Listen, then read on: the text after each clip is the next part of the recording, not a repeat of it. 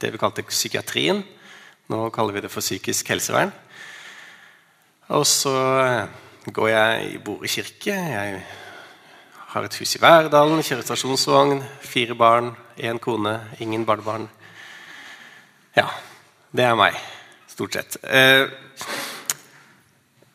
min, min, eh, det som har betydd mest for meg i min kristne vandring, det er ungdom i oppdrag.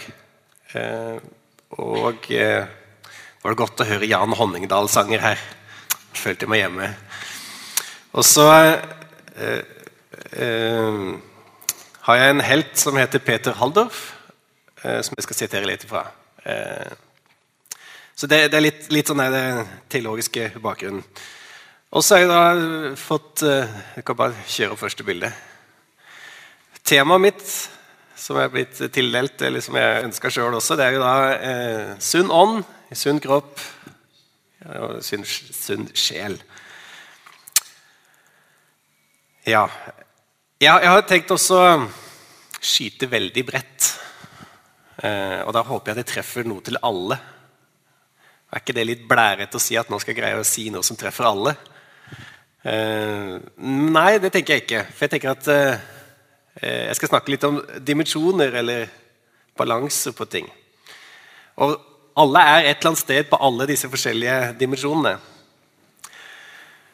Eh, og Det kan være bra å være mot den ene siden, men det kan også være bra på den andre siden. Et eksempel kan være eh, eh, I perioder så tar man ikke hensyn til seg selv. Det er veldig bra hvis man har syke unger.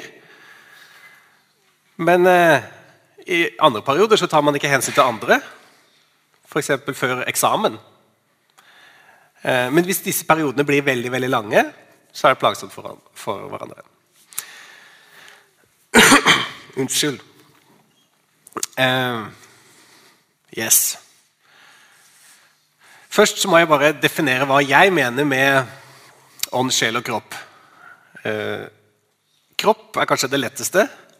Det er den fysiske kroppen som vi kan ta på. Med alt av kjemi og elektrisitet som er inni den. tanker Nei, sinn, sin, sjel Sjel har jeg skrevet. Det høres litt mer kristent ut. Det er det jeg tenker for uh, sinnet. Psyken. Rett og slett det vi har av tanker og følelser. Både bevisste og ubevisste. Mens ånd Så skal man definere det. Der har jeg rett og slett tatt en kjempesnarvei eh, og sagt at det er min relasjon med Gud. Alt ved meg som gjør at jeg har kontakt med Gud, tenker jeg som ånd. I denne eh, talen her. Eh, som sagt, Jeg er ikke noe teolog, så blir, det blir kanskje ikke sånn, sånn kjempetale. Det blir kanskje mer undervisning, for det er jeg mer vant til.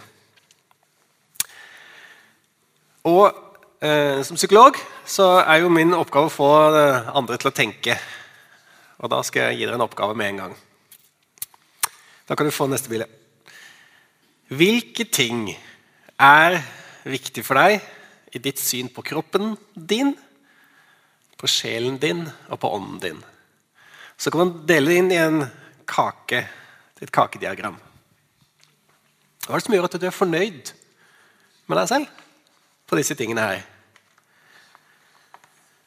Eh, og jeg tenker Det kan være litt uh, nyttig også av og til ta en liten sånn uh, sjekk. Eh, hvor er jeg? Hva, ta en sånn vareopptelling. Og Det jeg tenker er at det er jo veldig store individuelle forskjeller i hva som er viktig for oss. Eh, og Det er ikke noe fasit, men samtidig så vet vi at det er noen ting som er litt mer heldig for oss i det lange løp enn andre ting. Og så går det i perioder. Eh, og En av mine hovedpoenger er at det skal være litt balanse for oss mennesker. Eh, ta neste bilde. Eksempel, hvis du lager et et kake over kroppen din, så har jeg tatt det veldig sånn presist inndelt. da. Kanskje du hadde satt opp eh, halvparten eh, pga. Eh, helsa. Jeg er fornøyd med kroppen min hvis jeg er frisk, ikke har smerter, hvis kroppen fungerer. Uh, du kan sette det på dine egne måter. Eh, men vi vet at, at hvis f.eks. at utseendet Hvis det betyr veldig veldig mye for om du er fornøyd med kroppen din, så sliter du litt i det lange løp. Rett og slett fordi vi mennesker har en lei tendens til å sammenligne oss. Og uansett hvilken kroppsdel du fokuserer på, så vil du helt sikkert finne en annet menneske som er penere på akkurat den kroppsdelen. Så, men det å ha en sånn balanse på det, litt av alt, det er tingen. Kan vi ta neste? Sjelen. Hva, hva er det som gjør at du er fornøyd med deg selv? Hva er viktig for hvem du er? Um, med konkurranse så mente jeg at liksom det er sammenhengen i spill, konkurranse, hvem som tjener mest penger, hvem som har den fineste hagen, hvem som har det fineste interiøret, hvem som strikker flest grytelapper i løpet av året.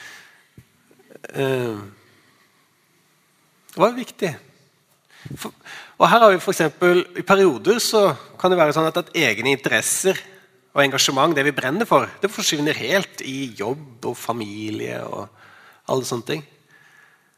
For eksempel, å miste den delen av livet Det kan gå i perioder, men det kan være vanskelig i det lange løp. Hva med neste? Ånd. Hvordan vil du ha delt inn det kakestykket? Hva er det som er viktig for din kontakt med Gud? Vi har sunget veldig mye om nåde i dag. Jeg digger nådebegrepet. Det er litt vanskelig å gripe, men det er veldig bra. Men er det sånn, hvis, hvis nåde betyr alt i vårt forhold til Gud, så blir det litt, blir jo litt snevert i lengden. Eller hva hvis, hvis det er bare gjerninger? Hvis det, det er det eneste som betyr noe, hva jeg har gjort for Gud, så er det også slitsomt. Uh, yes. Vi, vi, har alle styrker og svakheter, og vi skal heldigvis ikke være like. Heller ikke på hva som er viktig for oss. Uh, for jeg tenker Gud har skapt oss forskjellig. Det er stor normalitet. Altså det jeg mener med det er at det er hva som er normalt. Det er veldig stort og veldig greit. Men jeg tenker likevel at vi kan utfordre oss selv eh, og hjelpe oss selv til å komme videre.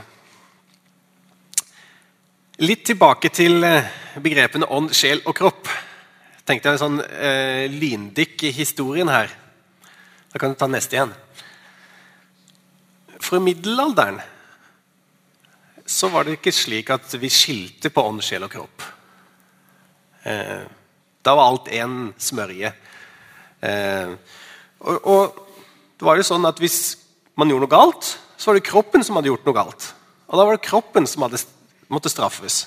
Man ble piska eller hudfletta. Eh, og det var også sånn i, i, Norge at Hvis du hadde stjålet noe, så kunne du kappe av en hånd. For det var jo hånda som stjal. Og hvis det gikk noe riktig, eller så ble det brent på bål, eller drukna, eller kjølhalt, eller et eller annet.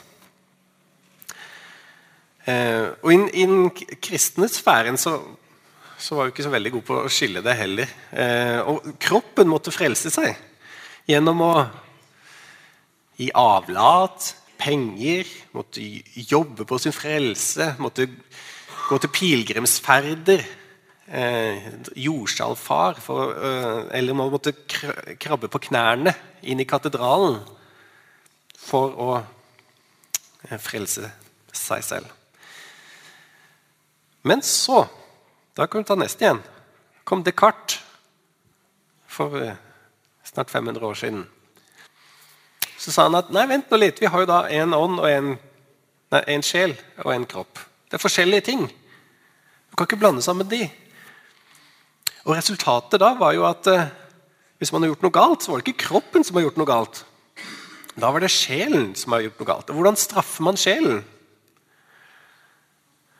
Jo, man, enten så må man gå i skammekroken. Eller så må man sette den i fengsel. Vi må frihetsberøve. Vi må sette den i fengsel og stenge den av. Da straffer man sjelen. Og eh, ja. I den kristne verden så rett før Descartes så kom det en kar som het Luther. Og Han sa at du er frelst ved tro alene. Da var det ikke så farlig med sjelen og kroppen. Nå sier jeg det veldig forenkla. Men da var det tro og tro alene som avgjorde ditt forhold til Gud. Så kan man skilte det. Men nå har jeg en påstand. At i dag, lenge etter middelalderen, så har vi kommet for langt i å skille disse tingene her. At nå må vi få det litt sammen igjen, fordi ting henger sammen. For jeg mener at det, det skal se sånn ut. Sånn ut. Der kom den. Flott. Eh, kanskje enda mer overlappende til. For jeg tenker at det er ingenting som er bare psykisk, ingenting som er bare fysisk, og ingenting som er bare ånd. Og et eksempel på det er eh, Det er gjort en studie på beinbrudd. Det er rimelig kropp fysisk. Spille fotball og knekke en fot. Og så viser det at, at eh, det beinbruddet det gror raskere hvis du har gode venner og god familie. Eh, og en, en, i familien til kona han, han vokste opp, så hadde han et brannsår som var på sykehuset. Og For 50 år siden så var det sånn at da måtte barna være på sykehuset, så fikk de ikke besøk av foreldrene kanskje en gang i uka. eller et eller annet. Han var på det, det sykehuset i flere måneder uten at det såret grodde. Han var fem år, tror jeg. Så kommer det, på, kommer til jul, og takk for gode mødre, som, som, eh, kan bestemme litt over leger også av og til, så sier at den gutten skal hjem til jul uansett om det såret er grodd eller ikke. Når han kommer hjem, så er det såret grodd på én uke. Så kropp og sinn hører sammen. Den andre veien også. Eh, sinnet vårt, eh, avvisning, det gjør vondt. Og Det har man da sendt mennesker inn i hjerneskanner og tatt bilde av dem mens de får en sånn avvisningsbeskjed foran øynene. Og Det viser seg at hjernen sender ut det samme smertestillende stoffet som når du blør på kneet ditt. Og Det tenker jeg er et, eh, et, et fysisk tegn på at, at, det å bli avvist og såra i hjertet, det gjør fysisk like vondt som det å dette og slå seg på kne. Og når det gjelder ånd, da, eh, så tenker jeg det var helt glimrende med nattvær i dag. For jeg tenker Det er et veldig sterkt symbol på at ånd, sjel og kropp hører sammen. For der får vi mat til kroppen vår. Vi har jo redusert litt på mengden, tror jeg mest av praktiske grunner. Sjelen. Vær stille, min sjel. Det er veldig sunt for, for uh, psyken vår. Og så har vi et møte med Gud. Alt i ett. Uh, jeg tenker at de tre tingene uh, kan høre godt sammen. Yes. Dette blir gjerne litt undervisning, da, så, så, det kan bli litt vanskelig å følge med. som når det er advart. Men, men derfor har jeg sagt at nå skal jeg si mitt hovedbudskap med en gang. Og det skal være Sannheten skal sette deg fri. Og For oss kristne, eller vi som er, eh, jeg er vokst opp i kristne miljøer, så er liksom, å, sannheten er et sånt fint ord. Og Så blir man litt lei det, og så skjønner man ikke helt hva det er. Så ja, det er helt riktig. Men når jeg blir psykolog, så oppdager jeg at sannheten er jo ikke gøy. Sannheten er ganske skummel. Eh, og jeg er ganske vant med etter hvert ja, ja, hva jobber du med? Et sånn litt ut i samtalen. Jeg er psykolog. Å oh, oh, ja. Kan du se rett igjennom meg, da? Sånn etterfølge av en sånn lett, nervøs latter. eller du har vel satt diagnosen allerede? Eller den siste tredje? Eller du har vel analysert meg allerede? Og hvorfor det? Jeg tror at vi er litt redde for sannheten. For hvis, hvis hadde det vært helt greit at jeg så rett gjennom folk Det er det forresten radiografene som kan. De har røntgenmaskiner. Så, så, hadde vi ikke vært redde for det. Da hadde ikke den nervøse latteren kommet etterpå. Så sannhet er ganske skummelt. Men så er det eh, en veldig god ting er å lese Bibelen Og så stoppe opp med alt det du ikke skjønner. Det liker jeg. Og så, For det øh, stoppa jeg opp en gang med nåde og sannhet. Det står para sammen i Bibelen veldig mange steder. Ja, Det er sånne fine ord. Men hvorfor akkurat nåde og sannhet? Hvorfor er de kobla sammen? Så kommer jeg fram til at de er helt umulige uten hverandre. Sannhet uten nåde er helt forferdelig.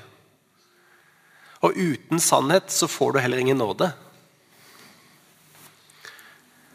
Men hvis du kan sannheten om Gud, så blir ikke sannheten om deg skummel.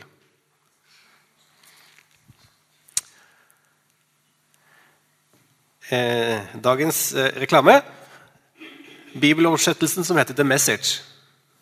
Jeg vet ikke om dere kjenner til den? Det er eh, en amerikaner som har brukt ti år på å skrive den over til et veldig moderne språk. Så som er veldig dratt ut fra grunnteksten, altså langt ifra grunnteksten. med tanken er at det er eh, hvordan vi forstår eh, samfunnet i dag som, som, som vil, Hvis Bibelen hadde blitt skrevet i dag, sånn skulle den skrevet da. Eh, og Johannes skriver jo mye om, om eh, sannhet. Eh, og I det meste så skriver eh, Johannes allerede i, kapittel 1 om, om, lyset som kom til verden. Så står det om at eh, vi, vi, som lever i lyset, skal bli vårt sanne selv. Jeg synes Det er et spennende, spennende begrep. Senere i Johannes 3, 16, som dere sikkert kjenner, når det snakker om å få det evige liv, så snakker, sier det message her skal få et helt og evig liv. Hele oss. Vi skal bli et helt menneske. Og Johannes 3, 20, Der står det om å leve i mørket og leve i lyset. Og Der skriver The Message eh, Jeg har da oversett selv til norsk. Å leve i mørket er å gjøre ondt. Å være avhengig av fornekting og illusjoner. Med frykt for å bli avslørt. Har du tenkt på den biten av å leve i mørket? Leve i fornekting og illusjoner? Men den som jobber og lever i sannhet og i kontakt med virkeligheten, ønsker Guds lys velkommen. Videre sier han i Johannes 4, 24, eh, der skal vi tilbe Gud ærlig, med sitt sanne selv. Vi skal komme som sanne mennesker framfor Gud. Eh, og i vers 4, nei, kapittel 4, 29 Der snakker om det er sammenhengen hvor Jesus møter kvinnen ved brønnen. Og Der snakker han om at Jesus kjenner denne kvinnen tvers igjennom. Hele, hele kvinnen. Men allikevel så elsker han kvinnen og har medfølelse for denne kvinnen. Så Hovedbudskapet er at eh, vi må sjekke om kartet og terrenget stemmer. Vi må bli tørre og se på sannheten med oss selv. Eh, og Min påstand er at det er ikke så skummelt når vi vet sannheten om Gud. Jeg har samla noen begreper som jeg tenker er likt for å få en sunn kropp, en sunn sjel og en sunn ånd. Og eh, det første da kan vi ta neste første bilde, tenker jeg er balanse. Alle eh, delene, de tre delene trenger balanse. Det er kanskje litt kjedelig å snakke om, fordi eh, vi dyrker det ekstreme. Vi skal ha toppidrettsutøveren som dyrker kroppen sin til det ekstreme. Vi skal vi hører på de som driver med åndelig askese, eller ekstremevangelistene, eller de som er så voldsomme i sine ting. Eh, men vi som mennesker vi trenger balanse. Litt av alt. Eh, en av balansene som vi trenger, er jo forholdet mellom fornuft og følelser. Et av mine favorittemaer. Hvis vi starter med sjelen vår, fornuft og følelser, så tror jeg de fleste ser at et fornuftekteskap, 100% fornuftekteskap, høres litt kjedelig ut. Eh, de som, de som, prøver det, opplever jo at følelsene kommer til etter hvert. Og det er bra. Så det er ikke helt håpløst. og På mange måter så tror jeg fornuftekteskapet er vel så bra som våre vestlige følelsesekteskap. Eh, hvis det er bare et ekteskap bare bygd på følelser, eh, så er det også litt skummelt. Eh, den derre tenåringsjenta som kommer inn og er forelska i en torpedo. Og så, ja, men han er, føles så rett. Det kjennes så bra ut. Ja, Men han sier jo den er en torpedo. Ja, er han ikke ærlig? Det er så flott. Han kommer jo til meg med sine ting. Ja. For mye fornuft eh, det gjør jo at vi ikke tar hensyn til oss selv når vi er slitne, sultne, når vi er såra, føler oss avvist.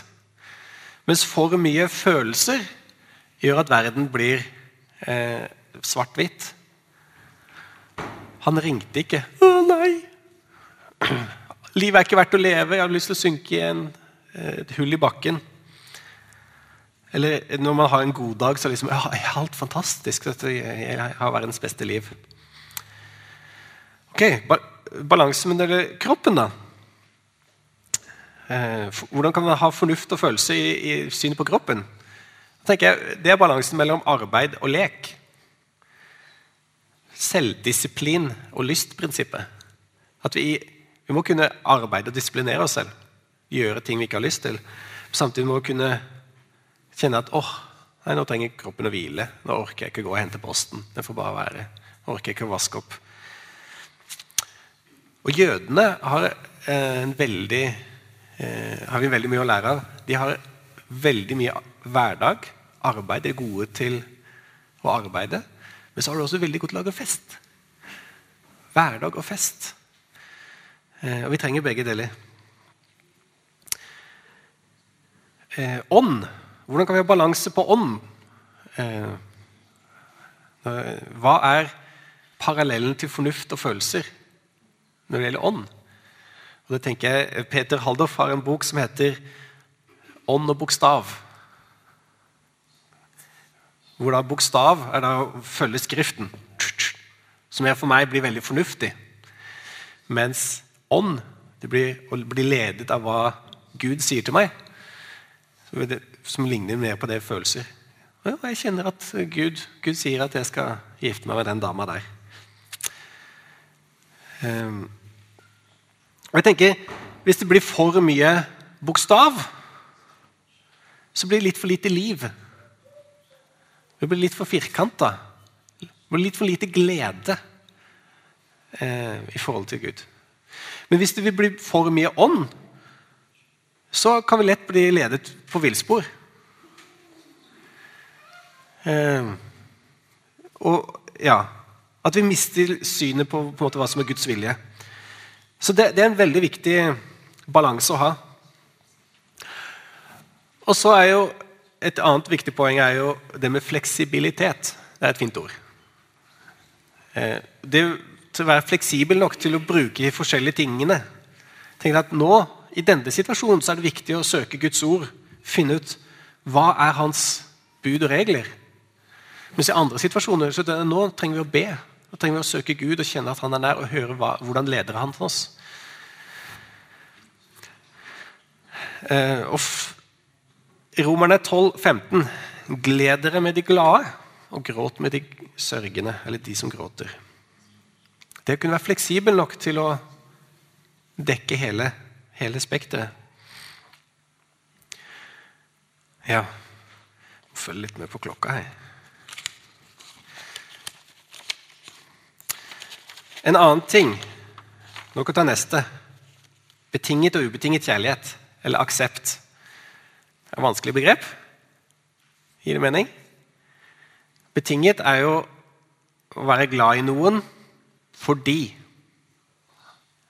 han er sånn og sånn. Uh, ubetinget er på tross av. Jeg er glad i han eller hun fordi ikke fordi, men på tross av. Selv om vi har disse feilene. her. Og Sånn kan vi ha et syn på kroppen vår. Vi kan være glad i kroppen vår fordi den fungerer, og det er like godt mat, og det er godt å slappe av. For jeg ser sånn og sånn ut, og for jeg klarer det og det.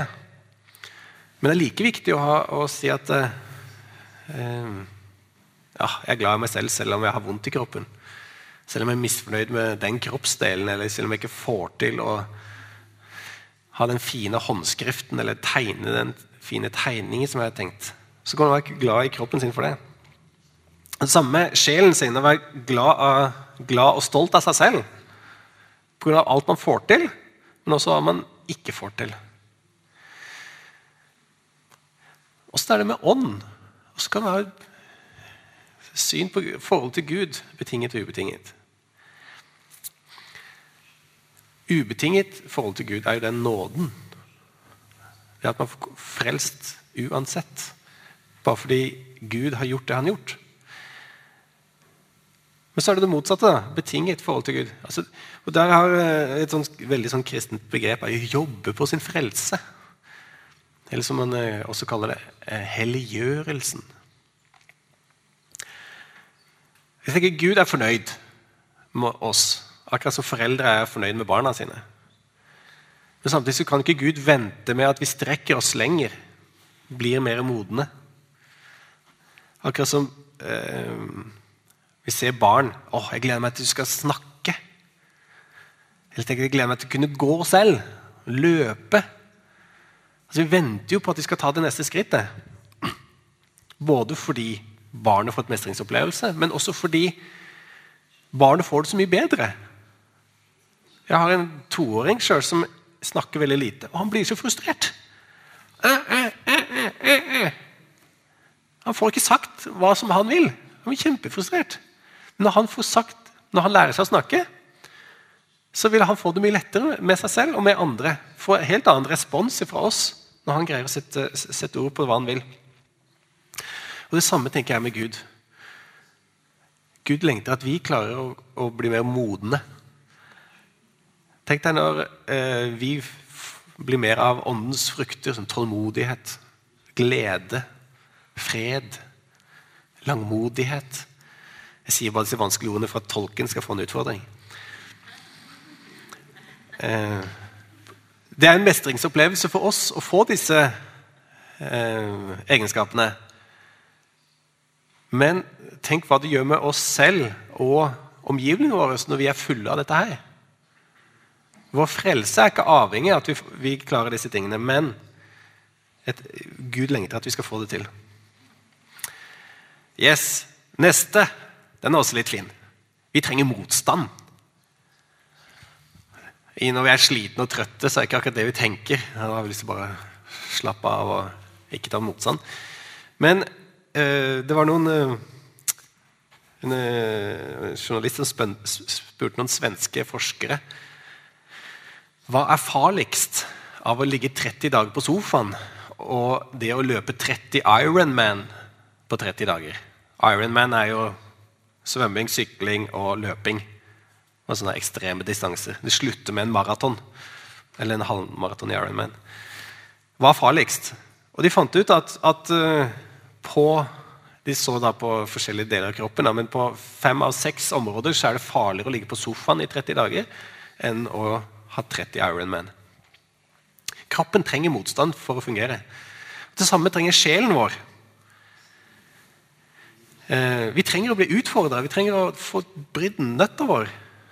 Eh, og vi trenger å være usikre. Hvis vi blir veldig skråsikre på hvordan, på, på hvordan, vi tror om oss selv og om andre, så er det litt skummelt. Jeg er sikker på at hun gjorde det bare fordi. Sånn er det bare. Vi trenger å undre og lure litt. Det er veldig sårende å bli tatt for gitt. Um, et eksempel på det er eh, En av mine såre opplevelser i barndommen var at eh, jeg hadde et rykte på meg at jeg sklei så mye i trappa. Jeg ga gass i kjelleren, og så sklei jeg i trappa opp. Så var det en gang det skjedde. Bånn gass, sklei i trappa. Eh, de fleste kan vel huske hvordan det kjennes ut på leggen. Så kommer broren min. For det var opp til middag. kommer broren min. Og jeg skriker i trappa der. Han tråkker over meg. Ah, 'Det skjedde igjen. Han gjorde det igjen.' Og jeg kjenner at ah, Nei! Det var ikke det. Det skjedde ikke igjen. Det som skjedde denne gangen, var at stillongsen sklei litt ned. Og Jeg fikk liksom ikke tatt skrittet ut. og det var liksom, Det var noe annet denne gangen. Jeg ble tatt for gitt. Og det var mye mer vondt enn det vonde i leggen. Og så tro krever også risiko. Vårt forhold til Gud krever også risiko. Og Da har jeg tatt med meg et engelsk sitat. Dette for å hjelpe tolken igjen. Du kan ta neste bilde. Jeg har det der. Hudson Taylor er den første protestantiske misjonæren til Kina. Eh, han sier da uten at det er et element av ekstrem risiko i våre gjerninger for Gud, så er det ikke noe behov for noe tro. Eh, og det, eh, jeg, et, jeg, har med ett sitat til, av, eh, også på engelsk. Du kan ta neste. Elisabeth Elliot, eh, misjonær og forfatter. Det trengs ikke tro hvis det ikke er noe bevissthet av risikoen. Hvis vi ikke vet at det er noen risiko, så trenger vi ikke å tro. Og I, i, i min, mine tanker så, så, er det det at eh, jeg må være avhengig av Gud. Jeg må, jeg må gjøre ting som gjør at dette klarer jeg ikke meg selv. Da er jeg avhengig av Gud. Jeg må risikere noe. Eh, da gjør at jeg søker Gud, og mitt forhold til Gud blir mer nære. Og så er jo det at, at uh, vi, ikke, vi, kjenner jo ikke Gud fullt ut. Det er ikke alt vi forstår med Gud. Det er jo det som gjør at vi kan søke Gud. Jeg tror det er like kjedelig for Gud at han blir tatt for gitt. Ah, Gud gjør jo bare sånn. Eller sånn er han bare. Det er utrolig kjedelig, det òg. Eh, så det å på en måte stadig søke de sidene av Gud en ikke forstår, tror jeg er et godt poeng. Yes. Jeg raser videre. Selvinnsikt er et kjempegodt uh, ting. Også på ånd, sjel og kropp. Uh, og Det tenker jeg å si er å kjenne hva jeg er god på, og hva jeg er dårlig på. God selvtillit handler ikke om at jeg er god på alt. Men god selvtillit er å tenke at jeg er god på dette og dårlig i dette, og dette vet jeg om, og det er helt greit at jeg er dårlig på dette. Og jeg vet at uansett om jeg er god eller dårlig nå, så er Gud glad i meg. Familien og de nærmeste er glad i meg. Kjenne sine svakheter, det gir nærhet. Det å dele nærhet, svakheter med Gud skaper nærhet med Gud. Um, I kroppen så er det jo greit å vite hva jeg er god på og dårlig i kroppen. Har jeg en A- eller B-muskulatur? A-muskulatur er den eksplosive styrken, mens B-muskulatur er mer den, den seige maratonmuskulaturen. Det er greit å vite. Ehm, eller er jeg god på finmotorikk? Er jeg god i ballsport? Er jeg god på hekling? Er jeg god på å tenke? Er jeg god på orden? Er jeg god på organisering? Hva er jeg god på? Hva er jeg ikke god på? Ehm, det samme med eh, sinnet vårt, sjelen vår. Hva er jeg redd for? Hva tør jeg? Vi trenger begge deler. Ehm, hva blir jeg såret av? Hva blir jeg krenket av? Eh, og det å kjenne da sine begrensninger der eh, er veldig greit. Når det gjelder ånd, hva er mine sterke sider i, i mitt kristenliv? Er jeg en barmhjertighetsperson, en som gjør meg tjenester? Er jeg en evangelist? Hyrde? Lærer? Profet? Hva er mine styrke, gode sider der? Hva er det jeg ikke får til? Er det noen av de sidene jeg trenger å trene på? Er det, noen, jeg, er det noen sider her hvor jeg trenger noen forbilder? Som jeg tenker De sidene jeg, trenger jeg, jeg har lyst til å få til. Det kommer aldri til å bli min sterke side. Men jeg, øh, men jeg kan likevel utfordre meg på det. Evangelisering for eksempel, er et sånt side for meg. Jeg er aldri god på evangelisering. Det tror jeg alle kommer til å bli heller. Men jeg, jammen har jeg lyst til å dra meg litt i det. Søke de utfordringene. Og Da er det jo over på mitt, eh, et av mine hovedfavorittemaer at begrensninger. Vi har mange begrensninger. Eh, kroppen. Kroppen blir sliten og trøtt. Sjelen, sinnet vårt, blir distrahert når det kommer masse barn inn fra søndagsskolen. Det er vanskelig å konsentrere seg da. Eh, og barna blir veldig glade når de ser sine foreldre og alt det de har opplevd. Eh, hvis, hvis, dere ikke har fått en sånn og dette traff meg, dette må jeg jobbe med, så må dere konsentrere dere, for nå er jeg snart ferdig. Så skal dere snart få det. Eh, men hva er våre begrensninger når det gjelder ånd? Er det ikke sånn at, at Gud kan alt? Og Gud pluss meg, vi kan alt til sammen. Peter gikk på vannet. Er det da noe umulig? Ja, det er helt riktig. Du kan alt når Gud kaller. Jeg kan ikke skryte på meg at jeg har lest hele, hele hver eneste side i Bibelen, men, men jeg, jeg, forstår det sånn at Peter gikk på vannet én gang. Resten av gangene så tok han båt. Og Det er ganske greit å vite når er det Gud kaller, når skal jeg ta båten, og når kan jeg gå på vannet. Eh, og en annen ting er eh, tvil. Det er ganske gøy å snakke i en eh, bedehus eller en kirke om tvil. Er det greit å tvile? Jeg tror Vi skal være ærlige på tvil. Jeg tror det er viktig å, å ta det opp. Eh, og Vi kan anerkjenne og være usikre på tvil. At åh, jeg tviler på Gud. Men det å handle på tvilen og si at jeg vil slutte å tro på Gud av den grunn, da, da blir det litt for mye. Eh, jeg Nå husker jeg ikke hva han heter. Lønning. En av disse lønningene som satt på Stortinget, tror jeg det var. Han sa jeg tviler ikke på Gud, men jeg tviler på min opplevelse av Gud. Jeg tviler på at jeg kan, jeg kan ikke forstå Gud helt, eller jeg kan ikke eh, alltid høre hva Gud sier. Og Det tror jeg er en veldig god begrensning. Altså vite at den begrensningen fins. Og så eh, Peter Haldorf eh, besøkte et eh, munkekloster langt ute i ørkenen nede i Midtøsten. Husker ikke hvilket land. Eh, her snakker, tenker jeg om eh, begrensninger, altså. For der var det en av munkene som hadde syndet stort.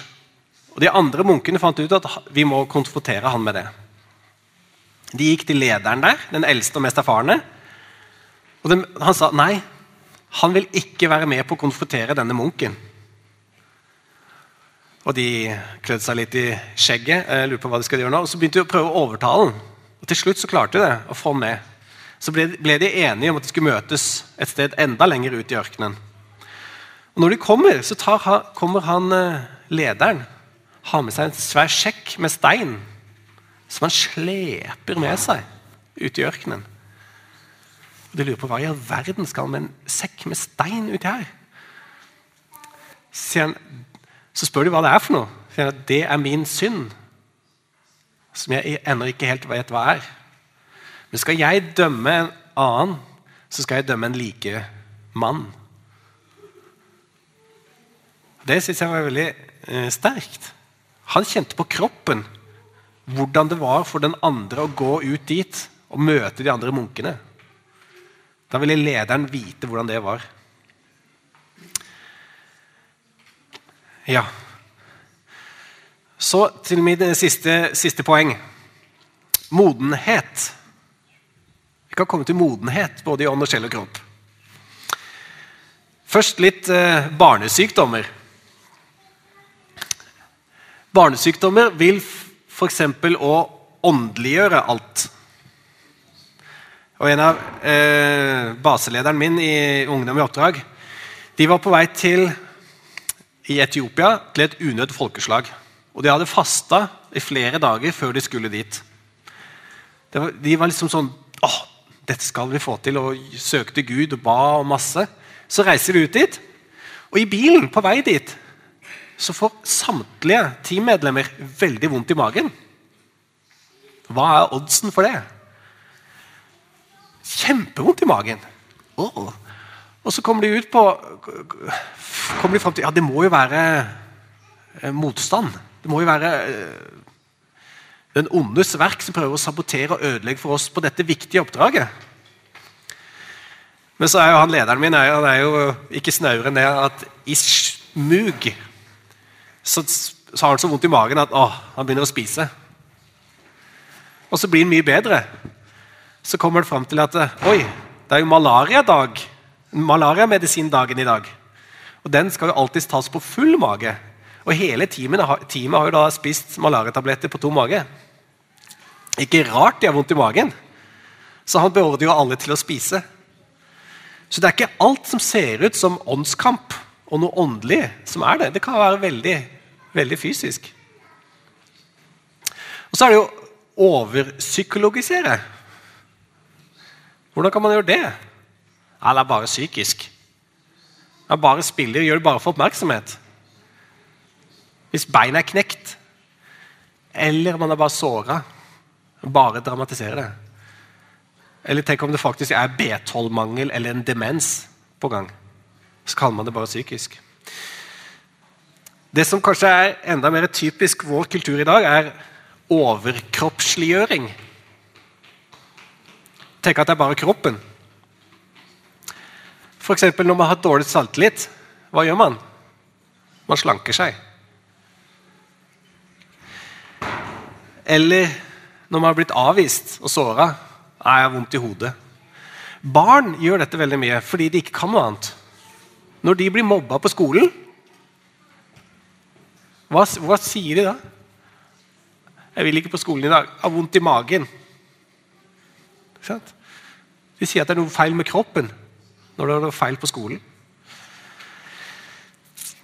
Uh, ja. Så hva er åndelig modenhet, hva er sjelelig modenhet, hva er kroppslig modenhet?